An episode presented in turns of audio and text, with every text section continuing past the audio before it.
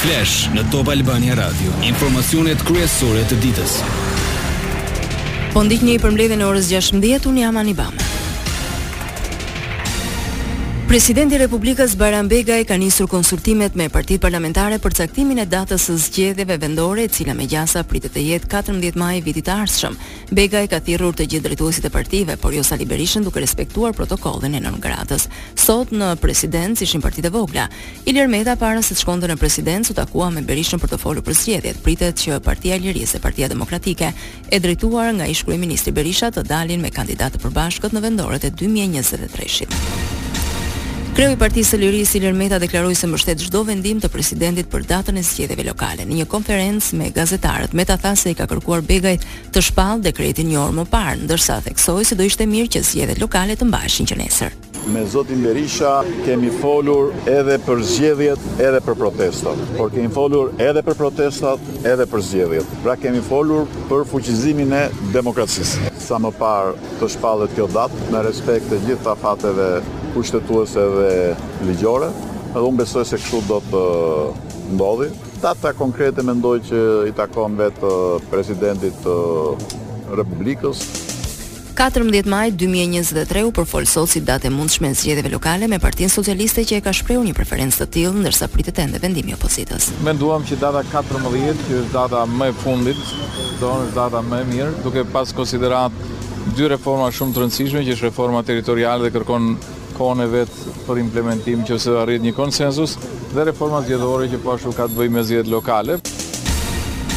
Një pengmarrje e ndodhur të dielën në Sukth zbuloi një grup të tërë kriminal që kryenin vrasje, 14 në pranga, një komunikim arresti në burg, pesë të shpallur në kërkim dhe procedim për të shumëkërkuarin Kasandro Noga, I arrestuar në Belgjikë është bilanci i një super operacioni të policisë së Durrësit për shkatërrimin e grupit që merrej me vrasje me pagesë.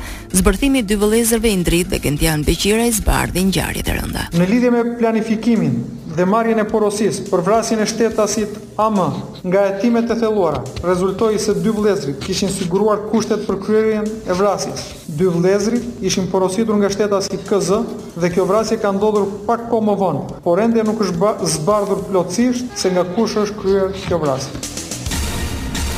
Kasandro Noga është kumbari i operacionit të sotëm të policisë porositësi që shkatërroi grupin e vrasësve me pagesë. Noga, një njeri shumë i njohur i botës së krimit, njihet për hasmërinë me Erion Hasanbelliun dhe për tentativën për vrasjen e tij muaj më parë, është i arrestuar në Bruksel.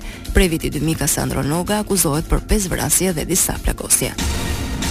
Gjykata administrative e shtyu për në 7 tetor seancën e shqyrtimit të padisë bërë nga kolegji Mehmet Akif kundër qeverisë për mbylljen e shkollës. Seanca u shty për saktësimin e prokurës së përfaqësimit të avokatit mbrojtës së shkollës turke dhe më pas edhe të kërkesës së tij për të qenë të pranishëm si palë dhe përfaqësues të Këshillit të Ministrave. Në këtë proces do të shqyrtohej kërkesa e kolegjit Mehmet Akif për të mos zbatuar vendimin e qeverisë për heqjen e licencës, të paktën deri në shqyrtimin e padisë në themel.